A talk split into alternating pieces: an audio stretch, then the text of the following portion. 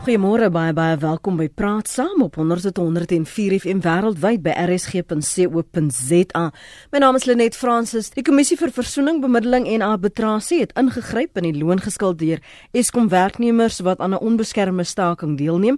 En volgens 'n woordvoerder van Eskom word werksamehede by kragstasies tans nou nie geraak nie want dit is nasionale sleutelpunte, maar dat dit dalk moeiliker sal gaan om plaaslike kragonderbrekings weens elektriese foute of kabeldiefstal te hanteer. So wat is die verskil tussen onderhandelinge en mediasie in die werkplek? Ons praat heel eers vanoggend met Dawie Rood. Hy's by die Efficient Groep. Môre Dawie. Goeiemôre Lenet. Ek wil net gou vir jou vinnig vra. So verlede week was dit nou die petrol. Ja. Nou is dit weer die krag. Is moet ons op voorberei dat dit die aanvang van die staakseisoen? so gewoonlik is dit nou hierdie tyd van die jaar wat ons begin met ons staking. En ongelukkig is dit so dat Suid-Afrika 'n sogenaamde staakseisoen het. Ehm um, En dit is baie jammer dat dit nie geval is. Ons behoort dit nie te hê nie, maar dit lyk vir my die arbeidsverhoudinge in Suid-Afrika is sodanig dat die enigste manier hoe ons werklik waar te vergelyk kan kom tussen werkers en werkgewers is dat ons moet eers 'n klomp skade aandoen aanrig aan die ekonomie.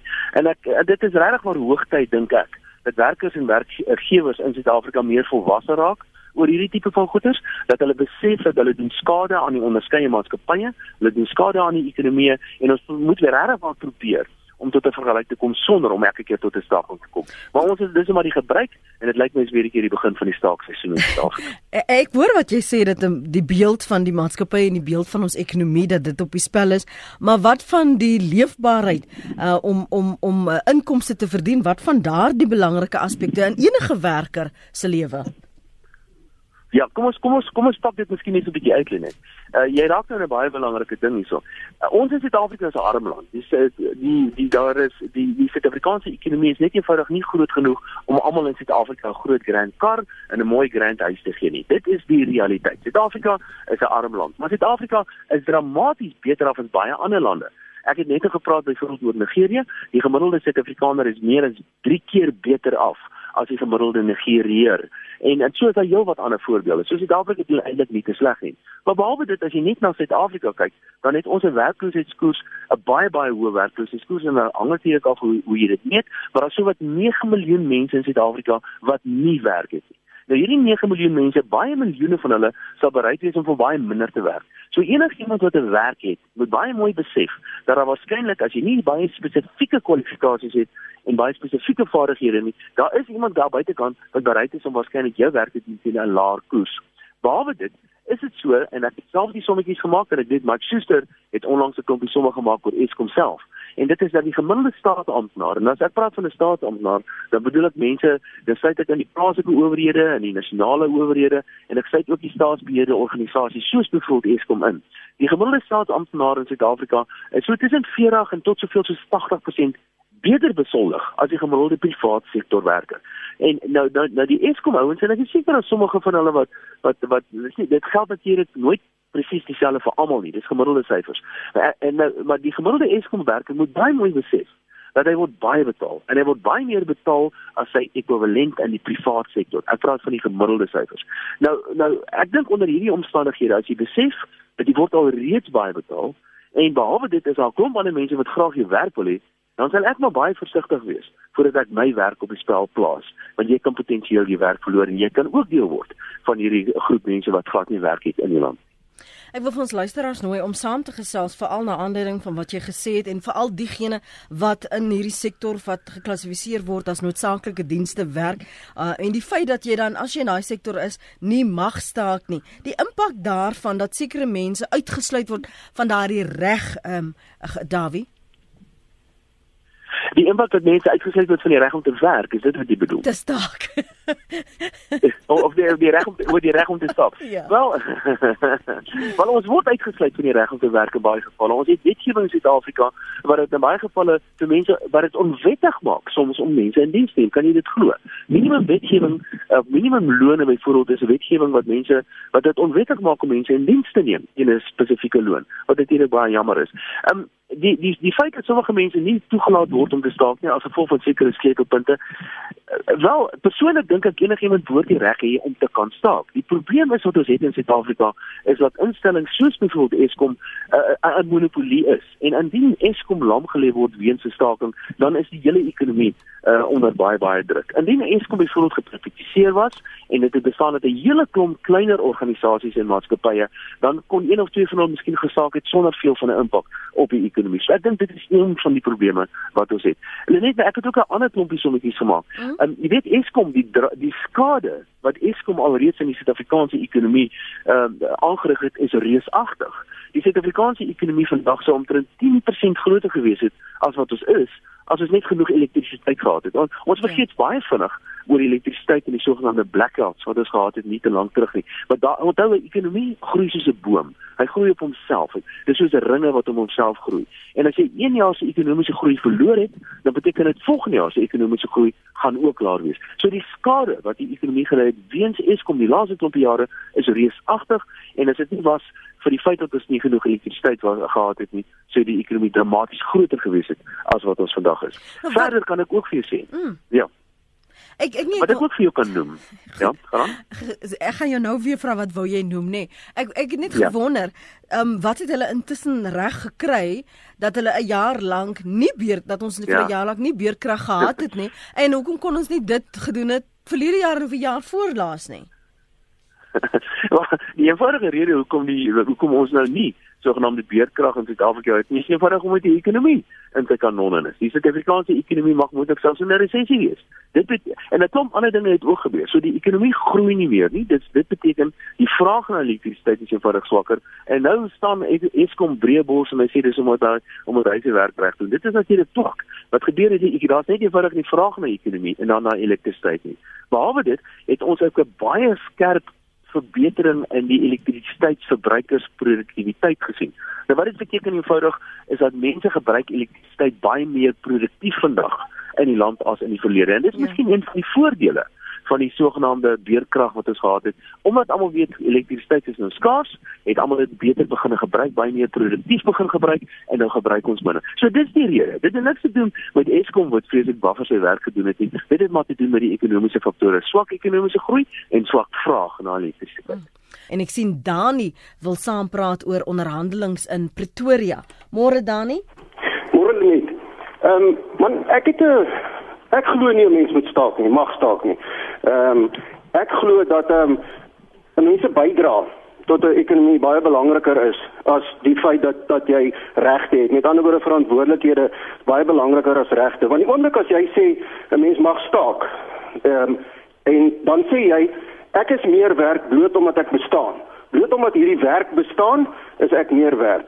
En ek sê dis absolute nonsens. Die enigste wat 'n werknemer meer werd kan wees en meer betaal moet word. Ek sê nou nie aanpassings vir inflasie en so nie, moet my verkeerd verstaan nie. Dis klein aanpassingkies wat 'n mens aan tred hou.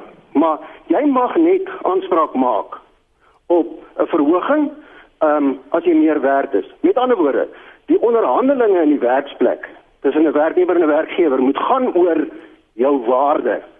Nie omdat jy geregtig is op enigiets nie. Ehm um, en dan my tweede punt of of my vraag aan Dawie is, ons is half in 'n land waar uh, almal bakant staan en bloot bloot omdat ek bestaan, bloot omdat ek hier is of bloot omdat ek 'n werk het, moet ek meer kry en en is ek skielik meer werd of moet daar vir my gegee word? Hoe hoe verander mens 'n land en 'n ekonomie dat jy nie meer mense het wat bakant staan, maar mense het wat hulle hande omdraai en in die grond steek en aan die ploeg slaan en aan die wat ook al om om by te dra om te sê maar luister ek verstaan ek moet bydra ek kan nie net vat nie. As Dawie vir ons bietjie kan kan leiding gee daaroor. Ja. Okay dankie Dani. Le kan vir Dawie Lenet kan 'n kommentaar lewer ja wel uh, ek dink hy maak hy raak een of twee goede wat belangrik is aan die eerste ding hy raak aan of mens mag staak of nie ek reken enige iemand kan staak soveel as wat hy wil En dieselfde geld ook vir 'n werkgewer. Hy kan 'n werknemer uitsluit soveel as wat hy wil. So ek dink dit is enigiemand se reg. Gaan staak as jy wil. Maar jy moet nie spesiale behandeling verwag as jy gaan staak het en jy verloor die werk byvoorbeeld. So saak, ek dink dis iemand enigiemand se reg om te saak of om uit te sluit. Die tweede punt wat ek wat Dani maak wat ek dink baie baie belangrik is, is dat ons het gen, is geneig in Suid-Afrika en mense en werkers uh, dring daarop aan dat jy 'n sogenaamde 'n uh, loon moet kry of 'n uh, wat sê 'n uh, lewende loon kan kry wat jou 'n sekere lewensstandaard kan gee en dan word daar baie keer verwys na inflasie en dis meer hoekom ek nou 'n sekere verhoging moet kry. Onthou, jy word nie betaal uh, oor uh, in terme van wat jy nodig het nie. Jy word betaal in terme van wat jy produseer. Dit is die ekonomiese realiteit. Jy kan nie mense betaal omdat hulle A, B en C nodig het nie. Jy betaal hulle omdat hulle 'n sekere produk aan jou lewer. En dis die verwarring wat ons baie keer het in Suid-Afrika, is dat werkers dring aan op 'n sekere loon omdat hulle 'n sekere lewensstandaard wil handhaaf. Ongelukkig is die realiteit dat die Suid-Afrikaanse ekonomie eenvoudig nie vir almal 'n wonderlike lewensstandaard kan gee nie. En daarom sal jy nie noodwendig 'n goeie lewensstandaard kan kry nie, maar behalwe dit moet jy betaal word vir wat jy werklik werd is. En ek is bevrees in Suid-Afrika en daarin is miskien reg daaroor is dat ons het hierdie hierdie hierdie hierdie hierdie kultuur van geregtigheid of ons is geregtig of A B en C. Jy's nie geregtig op enige ding nie. Waarop jy wel geregtig is, is om vergoed te word vir die sweet van jou arbeid. Daarop absoluut is enige iemand geregtig. John, môre. Môre Lenet, uh, môre jou gaste, môre Dawie. Ek het miskien nie ehm um, iets so direk met die staking te doen nie. Ek is 'n boer in die distrik van Beaufort Wes. Uh, Dawie, ek sien dat uh in die sake burger van so 2 weke terug dat uh, uh Eskom uh, het nou nie het nou besluit om nie meer ehm um, nuwe kontrakte aan te gaan ten opsigte van die hernubare energie. Ja. Ehm um, dit is nou vir my 'n geweldige ding. Ek kan dit amper nie glo nie. Want uh, meneer Passivo het gesê dat in die aand uh, gaan die son onder en die wind gaan lê, maar maar regtig waar dit staan in die burger so en dan die ander ding is ook dat daar deur die Bank van Afrika reeds geld bewillig is vir die bou van lyne van hernubare energie. Maar maar maar is dit waar? Het ek dit reg gelees? Ja. Ja, ek is bevrees uh, en, en ek moet ook dadelik wat ek nou nie ekspert hierop is nie, maar soos ek dit verstaan, is daar die, sogenaamde IPPs of die private betrokkenheid by elektrisiteitsverskaffing in Suid-Afrika, die word nou van Eskom se kant af opgeskort of ten minste dis hoe ek dit verstaan. Dit beteken dat dat Eskom in die toekoms minder van privaat sektor elektrisiteitsdiensverskaffers gaan gebruik maak. Wat baie jammer is, want soos ek verstaan het heelwat van die privaat sektor ouens al reeds baie geld spandeer op hierdie tipe van goed. Ek dink die antwoord hierop is nie is is eintlik maar net om Eskom te breek en te verkoop en te privatiseer en behoorlike kompetisie daar te stel in die mark. Ongelukkig is dit so dat Eskom die monopolie is in die land, dat Eskom by verre die grootste elektrisiteitsverskaffer is en nie net verskaf hy elektrisiteit nie. Hy vervoer ook elektrisiteit. Die transmissie van elektrisiteit is ook Eskom se verantwoordelikheid en in baie gevalle selfs die kleinhandel uh aspek van elektrisiteit is ook Eskom se verantwoordelikheid. So al daai goede wat opgebreek word en uiteindelik dink ek gaan daar sekere plek wees vir hernubare elektrisiteit soos byvoorbeeld sonkrag en windkrag en dies meer. Ongelukkig dink ek die hele stelsel, die hele elektrisiteitsstelsel in die land is heeltemal verkeerd en ek dink dit moet heeltemal van voor af ontwerp word. Wil jy nog iets sê John? Ja, uh, Dawie, dan wil ek miskien net uh, ja, ek wil dit net noem dat jy weet uh, Eskom met die ouens met 'n baie slap riem gevang want uh, daar is baie ek kom ek noem dit nou maar sommer boere en en en groot besighede wat uh, sonkrag, sonpanele opgesit het met die doel om dit terug te pomp na Eskom toe. Uh maar weet jy wat by ons gebeur het is uh, ons betaal 'n gewellige lynkoste. 52% van ons rekeninge is lynfooie. Maar ek kan nie vir Eskom nog ja. terug gee en die lynfooie betaal nie, maar nou het Eskom daai daai daai deur ook toegemaak. Dit is eintlik baie jammer, maar ek luister vir die radio en baie dankie uh, uh Lenet. Welkom ja. John. Wil jy nog daarop gou vinnig uh, iets sê? Dawie. Hulle kan dit byvoeg wat ek hmm. vermoed nou nogal gaan gebeur oor tyd. Daar's 'n geweldige voor tegnologiese vordering wat gemaak word en elektrisiteit opwekking. En ek het 'n vermoede wat ons gesien wat op jare oor 10 jaar of so dat ons hierdie reusagtige groot instelling het met die naam van Eskom en niemand wil se krag meer koop nie want almal het 'n ander plan intussen gemaak. Wat ons weet, Eskom is onbetroubaar en daar's 'n klomp tegnologiese vooruitgang op ander plekke. So ek het 'n vermoede dat die hele elektrisiteitsstruktuur in die land in elk geval gaan verander. En dit gaan nie nodig wees eers om die, om die, om Eskom te krimp te verander nie. Dit gaan van nature gebeur soos wat die tegnologie besig is om te verbeter. Kom ons hoor wat het Burger op die hart. Hy's ook in Johannesburg. Môre Burger. Haai, môre Lenet, hoe gaan dit? Goed en jy? Lekker, dankie, lekker. Luister, ek wil sê uh Dani, Dani wat net nou ingebel het, so backward jam. Um van van my kant af ook net um ek wil net hoor by by Dawie, hoekom hoekom is dit belangrik dat mense die reg het om om te kan staak? Ek voel dat hulle is besig om die die ekonomie lam te lê want jy het 'n klomp passiewe werkers wat ehm um, wat wat promote word of of ehm um, so onkom, onkomste verhoog word en so net omdat hulle die reg het om te kan staak en en 'n 'n maatskappy te kan ehm uh, lam lê, jy weet. So so waar so waar kom die waar kom die ding in van ek werk hard om om om my lewens ehm um, my lewe te verbeter, jy weet, en en om my company te te bevorder sodat ek ehm um, sodat die company beter kan doen en ek aan die einde van die dag ook beter kan doen en en sodoende groei ons ekonomie, ons groei die werk ehm um, geleenthede ja. en uh, jy weet waar kom daai waar's daai balans? Ja. Nee nee, dis nie wat ek bedoel nie. Hierdie is 'n filosofiese punt wat ek maak en dit is dat ek glo in individuele vryheid. As jy mense, as jy sê mense mag nie staak nie byvoorbeeld, dan sê jy eintlik mense moet werk en dit klink my so 'n bietjie na slawerny. Ek glo nie in slawerny nie. Nee, wat ek dink 'n individu het die reg om self te besluit of hy wil werk of nie en so 'n werkgewer ook die reg om te besluit of mense in diens wil neem of nie. As ek nie wil werk vandag nie, dan gaan ek net eenvoudig nie werk nie en dan loop ek natuurlik 'n risiko dat ek my werk kan verloor. So nee, ek dink elke individu het die reg om te staak as hy sou wou. Um, en so het elke individu ook die reg om te probeer onderhandel om sy eie posisie so goed as moontlik te probeer vestig uh, ten opsigte van die die salaris wat hy bevoorbeeld ontvang. Nee, ek dink individue moet self kan besluit, maar individue moet ook self die verantwoordelikheid vat vir hulle dade. Wat lees Ja, burger, gaan voort. Nee, ek word word die reg nie half van die werkgewer af verwyder nie, want jy kry nou 'n wettige staking die werkgewer moet dit half maar net vat en dan en kyk of hulle op 'n op 'n resolusie kan af. Ja. Ja, ek dink dit is 'n geldige punt wat jy maak. Ek, ja, ek dink dit is 'n geldige punt wat jy maak. Ek is nou nie 'n regskenner nie, maar dit die, die indrukke wat ek kry is dat daar hopeloos te veel beskerming in baie gevalle vir vir kollektiewe arbeidsbedinging uh, en baie keer gebeur dit dat hierdie groot arbeidsbewegings 'n vakbonde byvoorbeeld regtig waar baie skade aan die ekonomie aanrig terwyl die werkgewers nie die soortgelyke magte in terme van die wetgewing het nie. So maar ek is nie 'n regskenner nie, ek kan nou nie daaroor uh, debatteer nie, maar my indrukke is is dat daar in baie gevalle is daar veral vir die groot arbeidsorganisasies hooploos te veel regte. Ja. Goed burger, dankie. Hmm. Dan David, ek nou jou reg gehoor het jy gesê daar's hooploos te veel beskerming vir kollektiewe bedinging. Ja, ek sê sent kyk, ek het nie 'n probleem met staking nie en ek ek het ook nie 'n probleem met kollektiewe bedinging nie. Dit is nie die probleem waarmee ek het nie, maar wat wat wel verkeerd is, is as arbeidswetgewing mense te veel beskerm. Ehm um, ek dink byvoorbeeld, kom ons gee 'n eenvoudige voorbeeld. Sê nou maar sê nou maar die minister bepaal dat in 'n spesifieke nywerheid moet die minimumloon X wees. Nou ek is 'n individu, werk in daai spesifieke nywerheid of in daai bedryf en ek is bereid om teen minder as X, X te werk. Dan mag ek as 'n individu nie byvoorbeeld met 'n werkgewer gaan onderhandel om teen 'n laer loon te werk nie, want die minimumloon is teen 'n hoër koers vasgestel. Dit in my mening is verkeerd, want ek as 'n individu behoort die reg te hê om te onderhandel om teen 'n laer loon te gaan werk. In die geval soos byvoorbeeld wat ek sopas genoem het, beteken dit eintlik maar net dat die vakbondbeweging in 'n spesifieke industrie besonder magtig is. Wat ek dink verkeerd is. Dit moet eintlik die mag in die moet in die hande van die individu lê en nie in die mag of in die hande van uh, groot organisasies soos 'n vakbond of selfs in die hande van 'n groot maatskappy nie. Individue is wat belangrik is en nie groot organisasies nie. Leon skryf net moenie laat Eskom ons bluf nie. Die afgelope maand het ons al 4 keer beurkrag gehad.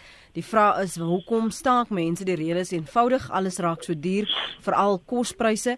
Ek wens net dat die staat kan kyk na die kospryse want ek kry pensioentrekkers baie jammer. Salarisse gaan een keer 'n jaar op, weens net kospryse kon ook so toegepas word dat dit ook net een keer 'n jaar mag opgaan. Ek voel regtig dat al die winkelketings nie die gewone mens op straat ekskuus net die gewone mens op staat uitbuit met alles wat so belaglik duur raak skryf Leon. Dan sê Connie uh, van Dana Bay loononderhandelinge tussen Eskom en vakbonde het in 2013 vasgeval en is ook na die kommissie vir bemiddeling, versoening en arbitrasie verwys is nadat loononderhandelings 'n uh, dooi, uh, dooipunt bereik het. Wat gebeur as 'n dispuut nie deur bemiddeling besleg kan word nie en wanneer is daar verpligte arbitrasie? Ek dink dit is jou uh, veld nie, Dani, Dawie. Lenet kan ek net 'n opmerking noem oor die eerste, ek dink Leon se se SMS wat jy daar gelees het.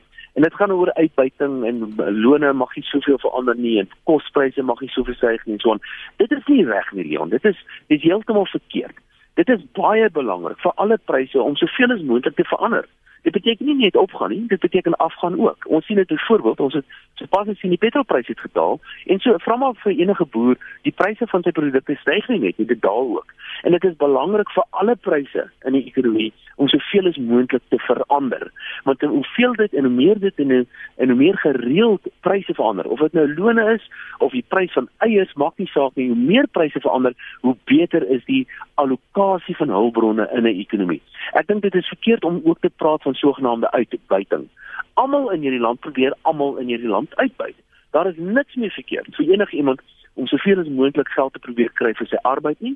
Daar is niks verkeerd vir enige iemand om soveel as moontlik geld te probeer kry vir sy produk of hierdie produk nou elektrisiteit is of tomaties is, dit maak glad nie saak nie. En dit is die aard van die dier. Dis die aard van 'n vrye markstelsel waar almal probeer om homself so goed as moontlik te posisioneer om sy eie posisie, sy eie finansiële posisie so goed as moontlik te probeer maak. En dit het niks te doen met uitbuiting nie.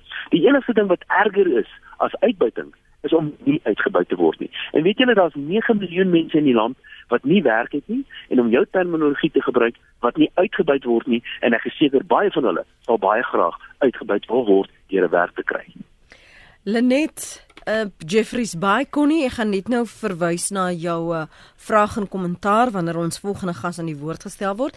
Gaan voort Lenet môre. Hallo Lenet. Lenet, weet jy, ek wil ook net sê ek ek stem nie saam met die man wat nou gepraat het dat hy sê dat uitbuiting is is nou maar reg nie, want werknemers kan hulle hande afwerk en hulle word nie hulle loon betaal nie, hulle word uitgebuit en die winste gaan na die na die werkgewer toe en dit gaan nie af na die werknemer toe nie. En die ander saak is ook dat jy uh uh dat werknemers uh, wel weet jy ek weet nou nie wat ek nou wou gesê het nie, maar dit is my punt en en uh, ek voel nie dit moet die die die winste wat 'n maatskappy maak moet afgaan na die werknemer toe dat hy ook sy situasie net kan verbeter. Oor die ander ding wat ek wou gesê het is dat die uh uh, uh werknemers word nie hulle lone betaal wat hulle werd is nie. Hulle word uitgebuit en ek stem nie saam met uitbuiting nie. Dit is nie uh uh reg volgens Bybelse uh uh uh, uh, uh sake nie en dit is verkeerd om mense uit te buit. Elkeen het sy, sy loon werd. Dankie uh, Lenet. Dat sê dit ja, dat dit dit wag wag wag ek gou net opsom. Hou net so vas. Jy spring weer net in. Sy het sy praat oor dis vir haar verkeerd dat daar uitbuiting is. Vergewe uh, eers nou eers die verwysing na die Bybel uh, om, om dit te staaf.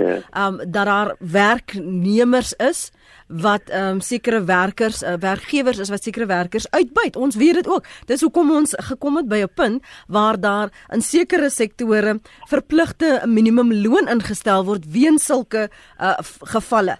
Dan sê sy ehm um, so, so en dat as daar dan 'n uh, werker, werkgewer is, dat hulle in die winste moet deel dat dit nie net vir die werkgewer moet gaan nie. Goed, nou ja, kan jy voortgaan. Karl Marx iets Ja, dit klink soos iets wat Karl Marx sou gesê het. Dis 'n tipiese kommunistiese benadering. Dis presies wat Karl Marx se teorie sê, is dat die nare aardige kapitaliste, hulle byt die werkers uit en op die ou end gebrei, dan word die kapitaliste ryk en die arme werkers bly net arm. Dis natuurlik alles 'n klomp twak. As jy nie hou van jou werk nie, sal ek vir jou bedank. As jy reken jy word uitgebuit en jy kan elders anders beter doen, bedank. Nee, niks stop jou nie. Dit is jou reg as 'n individu om te bedank. Nou as jy nie elders anders 'n werk kan kry nie, dan is die vraag eenvoudig, wil jy nou hierdie werk hê waar jy reken jy word uitgebuit of jy sonder werk sit? Dit is altyd die individu se keuse. Ek probeer die enigste manier hoe jy iemand kan uitbuit werklikwaar is wanneer jy geweer teen sy kop hou en sê luister as jy nie werk nie skiet ek jou dood. Dit is die enigste werklike uitbuiting. Ons het die reg in Suid-Afrika as jy reken dat jy word uitgebuit en jy is meer werk, bedank. Gaan kry jy ander werk of begin jy eie besigheid. Maar dit is baie baie moeilik om entrepreneur te wees. Dit kan ek jou sê. Die alternatief is baie erger. Goed, ek lees gou. Ek kyk, kyk net wat skryf ons luisteraars hier op ons SMS lyn dat ek die die sin van dit kan oordra. Nee, Dawie, sê Joe. Die boere kry die minimum vir hulle produkte en die kettingwinkels se sakke word voller, voller, voller. ja, begin 'n kettingwinkel. So 'n goeie idee wat jy sê probeer die punt maak wat die vorige luisteraar gemaak het van die uitbuiting en dat die pryse nie afkom en dat as uh, pensionaars onder meer um uh, uh, lê want daar's nie aanpassings wat vir hulle kom nie. Anay is in Johannesburg. Dit lyk vir my wees van ons luisteraars is lus vir 'n geveg. Gaan voort Anay. Môre môre môre Davie, môre net. Daar wie sê bietjie vir ons. Wat is die rede hoekom daar nie 'n uh, wetlike statutêre beperking is op die maksimum loon nie? Want help dit nie dat die mense wat nou die besluite moet neem dalk uh, makliker jou werker uitbuit nie sonder dat die rol van produktiwiteit in die prentjie kom. Jy weet, 50 jaar terug was dit land, labor en capital. Daai drie faktore het meeste van die ekonomiese vooruitgang of agteruitgang gereël. Maar deesdae is dit nie meer vir my asof daai drie beginsels deurslaggewend is nie. Ek lees dit graag. Anne hou nie eers vas dat um, Dawie gou eers aan aan die dan onduidelikheid is, bly nou eers. Ek gaan gou voor Dawie. Ja, nie, ek is nie heeltemal seker nie. Ek dink die opmerking was gemaak oor 'n maksimum loon en ek dink, hier kom ek korrigeer, dit gaan nou oor oor die oor die basis wat baie betaal word en die klase wat min betaal word. Is dit korrek? Anne? Ja. Ja, ja nee, dit is nou nie prentjie, dit is om te doen. Jy uh, word betaal soos die raad besluit of dit werd is of nie. Ja. Okay, nou maar kom ons kyk net 'n bietjie waar na 'n paar ouens wat baie betaal word. Die een, een van die ouens wat die heel meeste betaal word in die wêreld se naam is Bill Gates. Nou Bill Gates word verskriklik baie geld betaal. Bill Gates is amper 100 miljard dollar werd. Dit is reusagtige bedrag geld. Nou Gates word soveel betaal omdat hy 'n wonderlike produk daar gestel het. En daai produk se naam soos ons almal weet is Microsoft. En weet jy wat? Verskriklik baie honderde miljoene mense in Suid in die wêreld het armoede ooit opgelig omdat Bill Gates hierdie slim produk uitgedink het. So wil jy Bill Gates se salaris verminder? Ek dink nie so nie. Ek dink Bill, Bill Gates het absoluut sy salaris verdien. Kom ek gee jou nog 'n voorbeeld. Uh, uh Oprah Winfrey byvoorbeeld word miljarde miljarde dollar betaal. So uh, die rede hoekom sy miljarde dollar betaal word, is omdat mense dink sy gee 'n goeie produk en mense is bereid om daarvoor te betaal.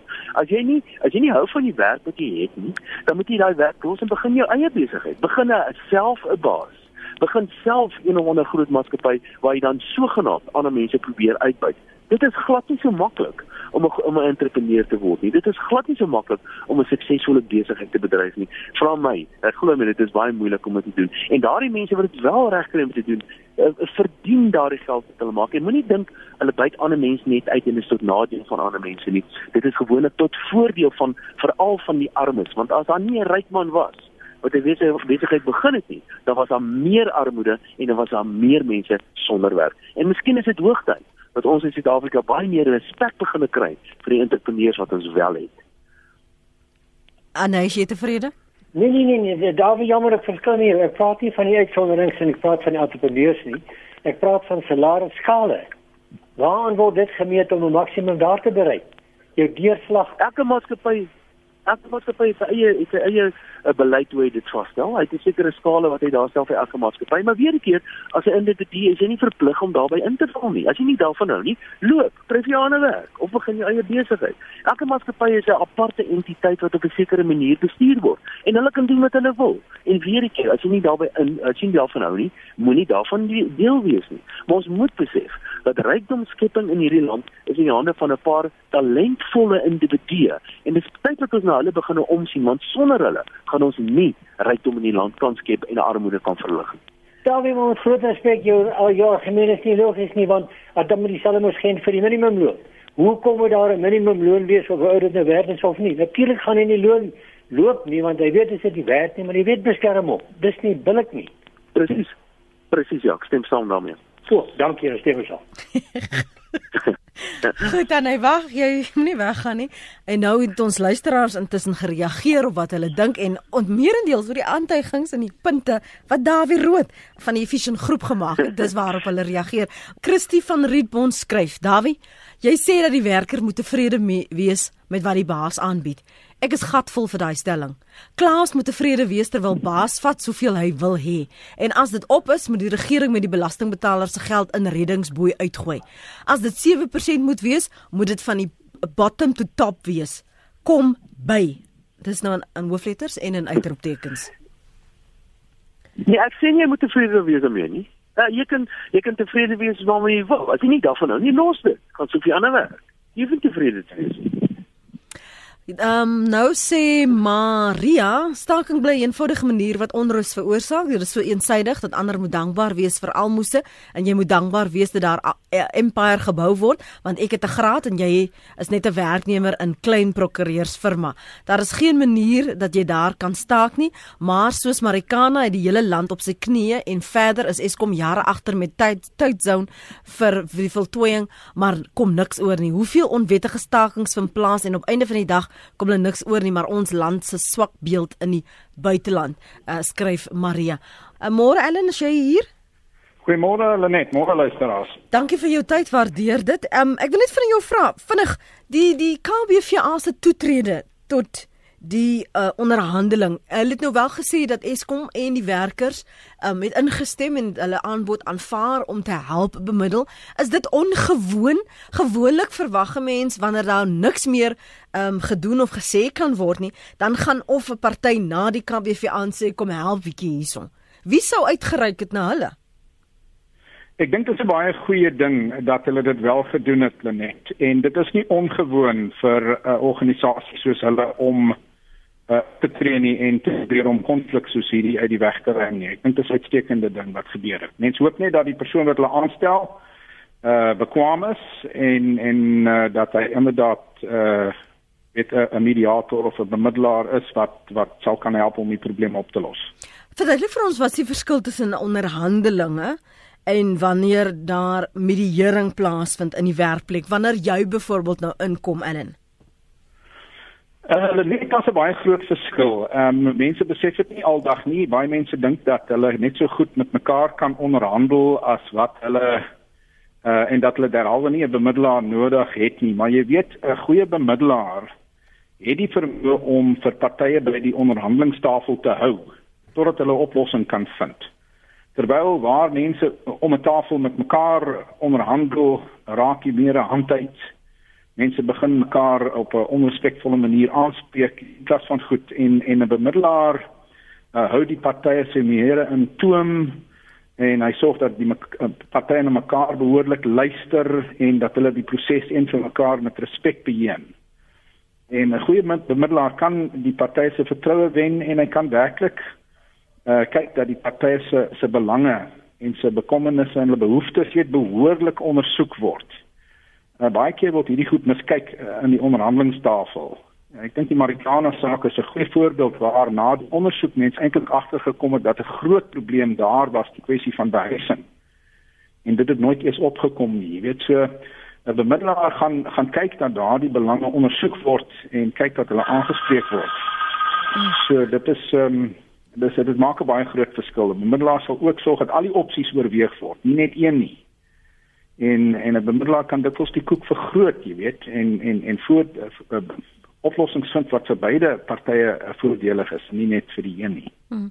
Ek wil gou net vinnig reflekteer wat ons luisteraars hier skryf na aanleiding van Dawie Rood se deelname aan die kommentaar, want ek bring dit by iets wat hy gesê het oor die beskerming van uh, kollektiewe bedinging. Um hier skryf Adel, kry asseblief in die vervolg iemand wat nie net aan die kant van die werkgewer is nie. Hierdie man is baie verkeerd en die probleem is hy is oortuig dat hy alles weet. Doen goeie navorsing voor jy besluit werkers klaar sommer net. Het hy al met die minimumloon probeer leef? Dit is onmoontlik. Die karige verhoging elke jaar bly nie uh, by inflasie nie. Um, maar jy moet bybly. Hy beskerm slegs die werkgewer en nie hulle verdien nie alles self nie. Geen geld sal inkom as die werkgewer nie werkers het nie. Hy bly sê loop kry aan 'n werk. Waar? skryf Adel. Nou skryf uh, Teresa, ek luister nou na al die inbellers en ek besef net weer eens dat ons pas 'n uh, munisipale stemming gehad het, maar dat jam publiek homself nie in ander mense se skoene kan plaas nie en empaties 'n uh, situasie kan assesseer en opbouende bydraes kan lewer nie. My vraagsiening oor stakings is die volgende: Wat verdien die besturende direkteur van Eskom? Wat verdien die minder betaalde, die minste betaalde werker? Dan hoor ons gereeld deur die hulp van die media hoe groot die topbestuur se bonusse is. Ek sou beslis ook staak as ek in die minder betaalde persoon se skoene is. Wat egter ook belangrik is om te onthou is dat ons altyd produktief moet wees en nie net bakkant houding mag in aanneem nie. As ons 'n minimumloon instel, sal groot besigheid slim voorleggings maak waardeur 'n minimumloon bepaal word en aan die word die werkers gewoonlik nadeel. Uh dan sê Steve weer van Niekerk in Oos-London, hy stem saam 100% met Dawie. Werkers moet ophou ry op die werkskeppers se rug. As klein besigheidseienaar sê ek ook kyk na wat ons kyk na ons wat werk skep. Theo Bouman sê ek dink dit is tyd soos 'n paar dekades gelede dat die werkers uh vir hulle self begine dink aan harder werk en bevordering kan kry of deur 'n ander werkgewer beter geleentheid gegee kan word. Die werkers het hulle self oorgelewer aan unies om namens hulle die rigting aan te gee. Uh, ek dink dit is die ergste vorm van slawerny, sê Theo. Dan sê Tester, sy's weer mal oor Dawie se uitkyk. Uh, Annetjie sê my baas en sy hele familie is by die Olimpiese spele. Ons werk hard om daarvoor te betaal. Ons het die verhoging laas jaar gekry nie. Ons moet ons oortyd werk sonder betaling, want Dawie het seker vir my baas gesê as ons dit nie wil aanvaar nie, moet ons maar loop. Die werkgewers is fat cats lewe soos konings. En uh, Ek stem saam met Dawie sê drietjie weer as 'n mens nie tevrede is met jou salaris nie soek vir jou ander werk. En nog 'n luisteraar sê ek dink ons moet ophou om te sê ek is stak en daarom moet jy meer kry bet, of uh, betaal. Dis 'n kwessie van vraag en aanbod sê Annelien. Uh, en nou hoor ek gou wat sê Johan in Belfast en dan ook uh, nog 'n luisteraar uh, Jok lyk dit vir my is jou naam. Johan sê gou vir mag gou vinnig jou punt want ek het nog 'n paar wat ek met met advokaat Ellen wil uitklaar. Goed uh die opsomming die dame of net jy het nou net daai SMS gelees die op die arbeidsmark moet dit net eenvoudig gaan oor vraag en aanbod. Dan trek alles van self reg jy weet uh ons soek 'n huisend arbeiders om 'n sloot te gryp en uh, dan is die aanbod geweldig die ouens staan maar as wil 'n prof, uh, professor vir die universiteit hê dan is dit heeltemal 'n ander situasie. Met ander woorde in elke beroep behoort ons 'n vraag en aanbod te hê. Dit is eintlik die bottom line. Dankie uh, Tene. Dankie Johan Jok. Jok. Ek, Hallo. Ja, praat saam asseblief. Hallo, dis Jok uh, van KwaZulu-Natal. Ek boer. Ek wil net vir uh, David daar ondersteun. Ja. Eh uh, wat hy daar sê, eh uh, jy weet 'n boerdery, ek uh, boer nou al 50 jaar en ek het met 'n minus minus 50 jaar gelede begin. En dit het 30, 40 jaar gevat om die kop oor water te hou, skuld af te betaal. En dit is so maklik vir werkers om te sê hulle wil meer geld hê. Maar dis nie so 'n maklike ding om 'n werkgewer te wees. En as ek een slegte jaar sou kry, dan kan ek weer terug wees waar ek begin het. Net vir Davie ondersteun met alles wat hy daar sê, is baie goed. Dankie. Dankie Jock, dankie vir jou bydrae daar in KwaZulu-Natal. Mara sê weer sy's verlig Davie het maar liewer nou gegaan want hy's besig om haar verkeer op te vryf. As die skoen aan sy voet was, kan ek beloof het hy 'n heel ander psalm gesing, sê Mara. Hierdie verhouding tussen werknemer en werkgewer, dis sensitief. Is dit sodat dit in Suid-Afrika uiters sensitief is? Jy hoor die bekleierery, jy hoor die wanopvattinge, wanpersepsies. Die as die geveg so op lig is, dan weet ek eers hoe is dit as daar oor geld gepraat word in in 'n vergadering nie, Ellen. Uh, Lenet ja, ek dink ons moet aanvaar dat waar jy uh van van mense het in verhoudings, dit maak nie saak wat 'n soort van verhouding dit is nie. Dit kan man en vrou wees, dit kan werkgewer werknemer wees, dit kan pa en kind wees, gaan daar botsende belange wees van tyd tot tyd. Dit moet ons aanvaar. Dis uh dis deel van die lewe. Suid-Afrika is nie anders as enige ander plek in die wêreld nie. Die vraag is hoe ons daardie botsende belange gaan aanspreek. Gaan ons hof toe hardloop en met mekaar in die hof beklei? Gaan ons afbrand of gaan ons met mekaar praat uh deur middel van en ek glo deur middel van bemiddeling is die antwoord om 'n oplossing te vind vir die probleme voordat hulle hand uitdruk. Mens kan nie uh, die probleme wegdink nie. Hulle gaan altyd daar wees. Hulle was nog altyd daar. Hulle gaan nie weg nie. Ons moet regtig maar konsentreer op om metodes te vind om die probleme op die bes moontlike manier in beide partye se belange op te los. Nie net in die een party se belang nie. Ek dink die eerste, die heel eerste SMS wat u vir my gelees het, ehm um, het vir my baie sin gemaak en dit is 'n dit klink vir my na 'n werker wat gesê het sorg tog asseblief dat die persoon wat bemiddel onpartydig is dat daardie persoon nie kan kies nie en dit is dit is uiters belangrik dat jou bemiddelaar onpartydig is dat hy indringend luister na beide partye. Want wat mens baie keer vind as 'n bemiddelaar is jy sien hier's gemeene belange. Kyk byvoorbeeld in 'n in 'n werkgewer-werknemer verhouding, is die gemeene belang dat die onderneming 'n sukses moet wees. Want as die onderneming nie suksesvol is nie, dan het niemand werk nie. Dit is nie in die werkgewer se belang nie en ook nie in die werknemer se belang nie. En dikwels wanneer 'n mens hierdie soort van konflik uh bemiddel, kyk jy na maniere om die onderneming meer winsgewend te maak in beide partye se belang en dan ook natuurlik daardeur meer geld te verdien om die werkers meer geld te laat kry. Dit is die soort van oplossings wat 'n bemiddelaar sal nastreef en dit gaan nie net oor ek wil meer hê en ek wil minder betaal nie. Dit gaan oor hoe werk ons saam om hierdie onderneming suksesvol te maak sodat ons almal beter kan doen. Connie van Danabaai wou vir oggend weet wat gebeur as 'n dispuut nie deur bemiddeling besleg kan word nie, en wanneer is daar dan verpligte arbitrasie? Kyk, die arbeidswet maak voorsiening vir arbitrasie in gevalle waar bemiddeling nie slaag nie. Ehm um, ek is nie 'n arbeidsdeskundige nie, so dit is nie my veld nie en ek wil my nie uithou as 'n deskundige op daardie gebied nie, maar Wat ek wel vir u kan sê is dat in my ondervinding waar jy 'n goeie bemiddelaar het wat behoorlik opgelei is en wat en wat uh, sy sy sy sy werk ken, gaan jy in 95% van gevalle by wyse van bemiddeling by 'n oplossing uitkom. En dan gaan arbitrasie nie nodig wees nie. Ek persoonlik ek is al 40 jaar advokaat. Ek kan sê dat uh, hofverrigtinge is duur. Arbitrasie is nog duurder eerder as om geld te mors aan hofverrigtinge en aan arbitrasies, sit om 'n tafel met 'n bemiddelaar, vind 'n oplossing en gebruik die geld wat jy gaan mors in 'n hofgeding eerder om die probleem uh, wat voor julle is aan te spreek. Mm. Ek weet jy het gesê jy's nou nie 'n kundige op die gebied nie, maar ek wonder of jy wel 'n mening het.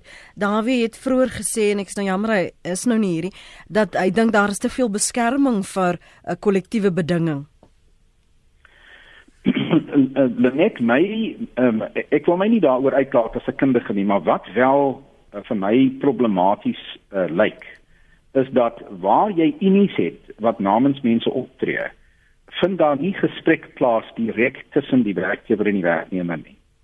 Met ander woorde, uh, die die werkgewer kry nooit kans om die werknemer in die oë te kyk en te sê man dit en dit en dit is my probleme. Hier ek wil graag hê jy met my hier en hier en daar help as jy kan. Hmm. En vir die werkgewer om te om na die werknemer te kyk en te sê ja, ek verstaan jou probleme, maar hierdie is my probleme. So die mense werklik met mekaar kan praat. En is uh ongelukkig verhoed daardie direkte gesprek in baie gevalle. En dit is hoekom uh, ons mense aanmoedig om onmiddellik te bemiddel as daar 'n probleem is. Bemiddel onmiddellik met jou mense as daar probleme is. Sit rondom 'n tafel, praat met hulle, hoor wat hulle probleme is en kyk of jy daai probleme kan aanspreek. Dit as dit baie makliker is wat jy dink. Los jy dit en as jy weer kyk dan het, dan het jy te doen met natuurlik gesamentlike optrede eh, deur massas mense en die nodigheid dan om deur middel van unies aangeleenthede aan te spreek. En dit raak raak moeiliker want die unies het natuurlik hulle eie belange. Ja waarna hulle kyk. Hulle wil graag vir mense wys hulle kan iets vir hulle regkry. Mm -hmm. Weet, uh en die iets uh jy weet vind dan net 'n uh, weerklank in terme van 'n persentasie verhoging terwyl daar baie baie dikwels vir vir werknemers ander belange is, groot belange is wat aangespreek kan word mm -hmm. deur middel van bemiddeling. Die idealis binne my hoop dat daar vir almal altyd 'n wen-wen situasie kan wees, maar dit is ook nie altyd moontlik nie. Dankie vir jou tyd vanoggend, advokaat Ellen Nielsen. Hy is 'n mediator, waardeer dit soos altyd. Dawie Rood ook van die Efficient Groep, ongelukkig nie verder met Dawie kon gesels nie. Dankie vir julle terugvoer. Ek is seker Dawie sou ook wil reageer uh, en geleentheid kry om te reageer, maar ek is seker ook iemand sal vir hom sê wat die kommentaar was en uh, uh, wat hy daarvan dink. Dankie vir julle terugvoer en die saamgesels. As jy wel weer na die program wil luister, gaan net na rsg.co.za en laai die potgooi daar af.